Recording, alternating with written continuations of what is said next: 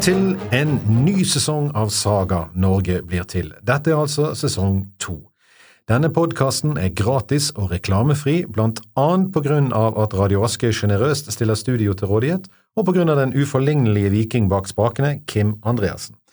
Dette er altså sesong to og episode 18 om vi teller fra begynnelsen, og velkommen til episoden Scenen din, Erik Blodøks, en introduksjon til mannen og øksen. En liten oppsummering. Harald Hårfagre har samlet Norge og regjert i to mannsaldre. Han har sett seg ut en arving, sønnen Eirik. I alle fall tre av Haralds overlevende sønner er ikke enig i det.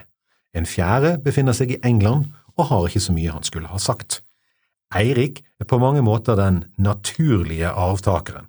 Han er sønn av den eneste kongelige maken til Harald, Ragnhild fra Danmark. Det er han som har vært nær Harald de siste årene, og for å være helt sikker overfører Harald riket til sønnen Eirik før han dør. Likevel blir ikke Eirik tatt godt imot i hele landet. For å vite hvorfor må vi kanskje se litt tilbake. Vi vet allerede at Eirik har tatt livet av, mm, vel i alle fall to av sine halvbrødre. Men hvem var egentlig Eirik? For å vite mer om det må vi altså gå litt tilbake, og vi må også tilbake til Egils saga, som vi har nevnt før. Historien om Egil Skallagrimson er også historien om hva som gjorde at Eirik Blodøks var dårlig likt. Det sto kvinner bak, kan det se ut som. Eirik blir født ganske kort tid etter slaget ved Hafrsfjord. Han vokser opp i en verden som var ukjent før dette, en verden der hans far er udiskutabel enehersker over Norge. Familien hans styrer hele landet. Han kjenner i sin oppvekst ingen tilfeller der farens styre blir utfordret på en sånn måte at det er tvil om det, og det er ingen tapte slag i hans verden. Dette er ganske enestående for tiden. Eirik er omtrent tre år gammel når moren dør. Dette setter nok dype spor i lille Eirik, og kan være noe av grunnen til det som skjer seinere. Eirik savner rett og slett en morsfigur, og får senere det. Etter morens død blir han fostret opp i farens gamle opprinnelsessted, Sogn. Faren er utålmodig for å få sønnen voksen, og så snart han er nesten gammel nok, gir Harald ham fem langskip med mannskap og sender ham på guttetur i Europa, eller i Viking, som det kaltes den gang. Det liker Eirik tydeligvis veldig godt. Først herjer han fire år i østerled, først i Baltikum, rundt Danmark og ned til Frisland, det ligger omtrent der Holland starter i dag, senere fire år i vesterled i Bretagne, Wales, Irland og Skottland. Nå er Eirik 20 år, men ikke helt klar til å dra hjem og slå seg ned ennå. I disse årene er han nok ofte hjemme hos sin fosterfar, for vikingferd det var sesongaktivitet. Vi skal begynne vår fortelling med en dag der Eirik er hjemme. Den gir oss et innblikk i hvordan Eirik var mot slutten av sin ungdomstid, og da må vi altså til Egils saga. De som fulgte med i forrige sesong, vet kanskje hvem han er, han som nå treffer kongssønnen på ferie fra sin vikingjobb. Navnet er Torolf. Han er sønn av en Skallagrim. Skallagrim hørte vi om i episode 15. Han måtte flykte fra Norge fordi han hadde kommet på kant med kongen etter at hans bror hadde blitt drept av Harald, og han var så freidig å kreve bot for det av Harald. Broren het også Torolf. Den nye Torolf, altså nevøen til den gamle Torolf, og hele slekten Skallagrim, har et problem. De er ikke særlig godt likt av kongen, men har veldig behov for å reise til Norge for forsyninger, og de har eiendommer og mulige arverettigheter i Norge. Når Torolf den yngre tilfeldigvis seiler inn til Sogn med det kuleste vikingskipet noen har sett, oppstår det både et problem og en mulighet. Kronprins Eirik er der også, på samme sted, og han blir som en ung gutt som ser en Ferrari for første gang. Han ser på skipet, han tar på det, han stryker langs tiljene, han går om bord, han ser under tiljene, han går av igjen, stryker langs kanten av skipet, på relingen, han ser på det igjen og går, på, går om bord igjen, han ser på det atter en gang, både på nært hold og langt ifra, han beundrer rett og slett denne vikingskipsferrarien.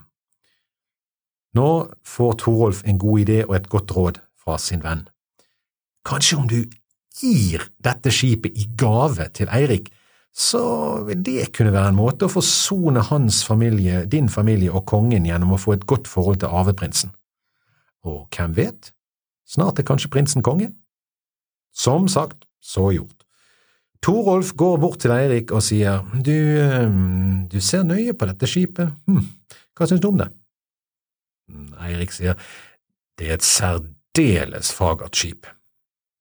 Og Torolf sier rett ut, du skal få det av meg, om du ikke får smår. For smår gjør jeg ikke, men eh, betalingen jeg kan gi deg kan vel synes litt liten, mitt vennskap, men om jeg lever, så kan vel det alltids være noe.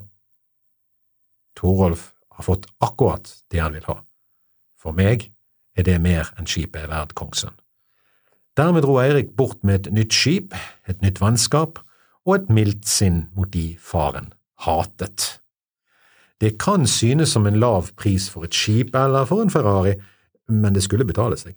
Som sagt, Torolf og hans slekt hadde behov for å få et bedre forhold til kongen. Betalingen ble krevd inn da de ba Eirik tale deres sak for kongen, sammen med dem. I våre dager høres dette rett og slett ut som en bestikkelse. Men datidens logikk var at for å få noe måtte man gi noe.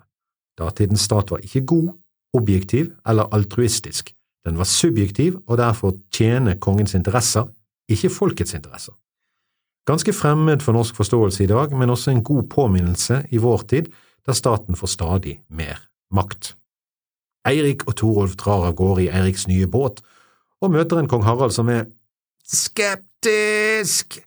Harald synes hele slekten til Torolf kan dra dit vulkaner buldrer, vil si der de er allerede, på Island.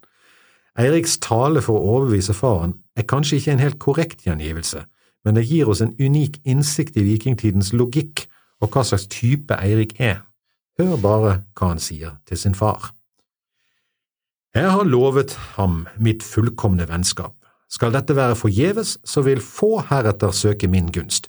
Du vil ikke tillate, min far, at slikt skal skje med den aller, den som aller først ga meg en så anselig gave. Den logikken går hjem hos faren.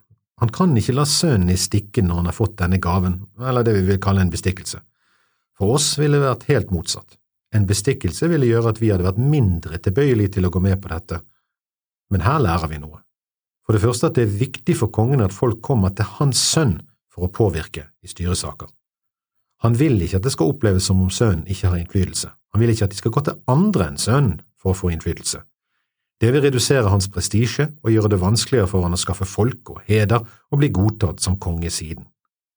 Vi lærer også at Eirik som alle andre kan kjøpes, han er påvirkbar. Lobby virker. Vi lærer også at når Eirik lover sitt vennskap, så holder han det han lover, til og med når selveste Harald Hårfagre ikke liker det. Vi lærer også at Eirik er ærlig og en god venn. I utgangspunktet lover dette godt for en kronprins. Men det er også en egenrådig Eirik vi ser, han eh, tar selv ikke eh, faren og overkongens autoritet for gitt. Men om dette vennskapet blir bra eller dårlig for Eirik, Se, det er fortsatt usikkert selv tusen år etter. Etter åtte år i Viking drar nå Eirik nordover til Finnmark og Bjarmeland, for eh, Harald gir Eirik det han ber om. Han får vennskapet, men eh, Harald sier at du må holde denne slekten vekke fra meg. Men etter disse åtte årene i Viking og har fått denne avtalen med sin far, så drar nå Eirik nordover til Finnmark og Bjarmeland. Bjarmeland er området rundt Kvitsjøen, altså Kolahalvøyen og Nordkarelen. Dette husker vi fra tidligere episoder, var der Torolfs navnebror og onkel vant store rikdommer. Da er ikke det rart at Eirik vil ha med seg Torolf den yngre på denne ferden. Kanskje har Torolf gode kontakter og gode råd fra den tiden? Det kan det se ut som han har, for de to kampbrødrene gjør lykke der oppe i nord. Men så skjer det noe som minner veldig om noe vi har hørt før. Du husker kanskje Snøfrid. Finnekvinnen som var så forheksende vakker, eller bare så forheksende, at Harald Hårfagre ble sittende ved hennes side i tre år etter hennes død og måtte ha hjelp av kloke Torgeir Spake for å bryte forhekselsen. Spake kan forresten oversettes med den kloke. Historien som her kommer, finner vi i Flatøy bok, sånn noenlunde, da. Eh, nå kommer Eirik og følger over en gamme. De sjekker gammen og undersøker og finner en kvinne så vakker at de aldri har sett noe lignende akkurat som da Eiriks far fant Snøfrid i en gamme i Oppland. Men dette er ikke en samekvinne. Nei, dette er, dette er datter av eh, det er, Akkurat det er litt uklart, men det er helt definitivt ikke en finne eller en same, det understreker alle. Det er enten en stormann fra Helgeland som er faren, eller så en datter av Gorm den gamle i Danmark, og dermed søster til Harald Blåtann, konge over danene. Hvorfor sagaen ikke skal nevne akkurat det, at han, hun, er, hun er søster til danskekongen, det er litt rart, og hvorfor danskekongen skulle ha sendt henne til Finnmark, er også litt vanskelig å forstå. Men den første farsforklaringen kan forklare hvorfor de finner henne så langt nord. Den andre kan forklare hva som skjer siden i historien, men så langt er vi ikke kommet ennå. Men de finner altså Gunhild, som hun heter, i denne gammen. Hva gjør du her, vakre møy, spør Erik. Jeg er sendt hit for å lære trolldom av to mektige trollmenn, de dyktigste i landet. De er så trollkyndige at de kan følge ethvert spor i mildvær eller skare. Alt de skyter, treffer de, ingen unnslipper dem. Blir de sinte, snur de jorden opp ned, og alt de ser på, faller dødt om. Nå er de ute og jakter, men de vil begge ha meg, så jeg kommer ikke unna, men jeg har stått imot. Den ene har voktet på den andre, og slik har de hindret hverandre fra å ta meg, så nå må dere redde meg. Hvordan kan vi det når de kan drepe oss med et blikk? Det nytter jo ikke å rømme heller, om det er slik du sier at de kan følge alle spor. Jo, nå skal dere høre, om dere gjemmer dere under benkene, så skal vi se om vi ikke kan få drept dem. Eirik og hans menn gjemmer seg under benkene i gammen, de må ha vært store benker, dype benker, lange benker, mens Eirik ligger der under benken, hører de lyder utenfor gammen. Det er de to trollkarene som kommer tilbake fra jakt. Eirik og hans menn kryper så langt inn under benkene de klarer og ligger musestille. De hører dunkingen der samene dunker snø av skoene og utstyr, og inn kommer de to med et gufs av kulde og snø og dagens fangst. De henger den, og Gunhild tilbereder et måltid for dem. De spiser. Gjengen under benken ligger så stille de klarer, selv om sulten skriker i tarmene etter hvert som Gunhild og de to trollkarene spiser seg gode, mette og trøtte. De to samene gjør seg klare til å vokte på hverandre enda en natt. Da gir Gunhild dem et tilbud de to hittil forsmådde trollkarene ikke kan motstå. Vil dere dele seng med meg i natt, begge to? De to så kort på hverandre, men lot seg ikke be to ganger og hoppet i høyet sammen med henne til vikingtidens mest kjente menage à trois. Under benken lå vikingene og trykket mens de hørte hva som foregikk over dem. Det knirket i benkene etter hvert som de tre krøp inntil hverandre. Torolf holdt Eirik igjen fra å hoppe fram og gå til angrep. Han gjorde tegn til at han måtte holde seg i ro og følge Gunhilds plan. Første del av hennes plan hadde gått som forventet, nå sovnet etter hvert de to trollkarene. Eirik skulle til å hoppe på dem, men ble stoppet igjen for Gunhild vekket de. Og så sovnet de igjen, de to. Gunhild vekket de en gang til, men denne gangen var det vanskeligere å få de til å våkne. Bålet i gammen er bare glør, og det begynner å bli kaldt under benkene, når Gunhild forsøker å vekke de en tredje gang. Denne gangen lykkes det ikke. Nå finner Gunhild raskt fram to selskinnsekker og trekker de over hodene til de sovende trollkarsamene. Dermed kan de ikke drepe noen med blikket sitt. Nå kaller hun fram de som lurer under benkene. Eirik og hans venner lar seg ikke be to ganger. De kryper fram, stikker sverdene i samene og dreper de. To hoder ruller inn i gammen. I det, samene utånder, høres det bulder og brak, og bakken rister og jorden vendes opp ned utenfor kunne ikke dra der på en stund, så de måtte bli der sammen med Gunhild, men etter hvert så roet jorden seg såpass at de kunne komme seg derifra. Eirik fridde og fikk ja, og de dro sporenstreks til vakre Gunhilds far, sannsynligvis, og fikk hans samtykke, helt sikkert. Det var ikke nei i hans munn. Kanskje han hadde dårlig samvittighet for å ha etterlatt sin datter med to kåte trollmenn? Vi vet ikke, men fra denne dag til hans død er Gunhild ved Eiriks side, i gode og onde dager. Denne trollkyndige kvinnen blir beskrevet av Snorre som vakker, gladlynt, underfundig, vis, dette er alt positivt, men så kommer meget grusomt. Og det er mest det siste som skal stå i fokus videre i historien, dessverre. La oss stoppe opp litt her. Det vi hører om her, er kjente og gjentagende, ofte brukte motiver i datidens litteratur og historiefortelling. Parallellene mellom Harald Hårfagres historie med Snøfrid er åpenbar. Samenes trollkyndighet er én ting, men den fagre møyen som må reddes fra trollmenn eller andre onde, mektige krefter, er gjentagende i slike historier. Det samme er å tillegge kvinnen eller den onde dronningen magiske egenskaper, en skjult heks. De onde intensjonene, bare tenk på Snøhvit. Ofte er dette brukt for å unngå å legge skyld direkte på kongen, i dette tilfellet Eirik Blodøks, ved å peke på makten bak kvinnen. Selv Ibsen gjør det, om enn mer positivt, der Per slipper unna Dovregubben fordi det står kvinner bak. Samtidig er dette ikke en god unnskyldning for en ond konge, fordi han fremstår som å være dominert av sin dronning, en kongelig tøffelhelt, for å si det sånn. I historien om Eirik Blodøks er Gunnhild et velkomment virkemiddel for å forklare hvorfor kongen så uforklarlig både er irrasjonell og mister den støtten han har. Samtidig brukes den kanskje også til å bortforklare og legge ekstra skyld på Eirik for ting han egentlig ikke har noe med. Spesielt kan, det, kan man se dette i maktkampen som vil utspille seg mellom hans brødre og han, og mellom han og trønderne. For å se hvordan Gunhild ble oppfattet, må vi ta en ny tur innom Egils saga. Torolf er nå en av både Eirik og Gunhilds favoritter. Han har gitt Eirik et skip, og han har vært med og drept trollkarer, og dermed hjulpet til at Eirik har fått sin Gunhild, så de er begge glad i han.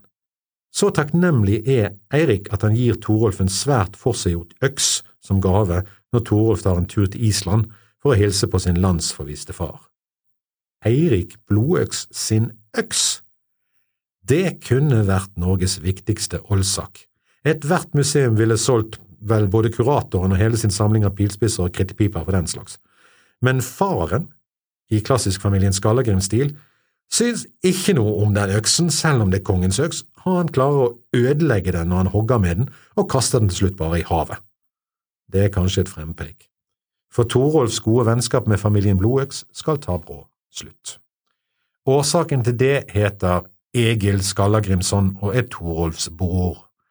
Egil er i mangel av et norsk uttrykk a piece of work, en gigantisk drittsekk med sterke følelser for eiendomsrett og liten omsorg for menneske, andre menneskers liv og helbred. Men en gud benådet dikter og skal. Og her skal vi få oppleve noe som også sitter i norsk kultur fortsatt. Fra Egil Skallagrimson til Knut Hamsun og Erik Hivjus forsvar for Odd Nedrum. Det at store kunstnere også kan ha en svært mørk side, har vi en tendens til å nekte å akseptere, eller også ønske å dømme mildere enn andre som gjør tilsvarende forbrytelser. Få steder blir det satt slik på spissen som for Egil Skallagrimsson. Men denne historien må vente til neste episode av denne podkasten. Da skal vi få høre hvordan en Egil ute av kontroll setter eget og andres liv i fare, og reiser en nitstang på Herdla, for denne historien kommer ganske nært. Deler av den foregår på Herdla, Nordre Askøya Fenring som det da het, og på Ask. For Egil har en arverett på Ask som han ikke under noen omstendigheter vil la gå fra seg. Det får du høre mer om i neste episode, Egils Askøy-saga, eller Økser over Fenring.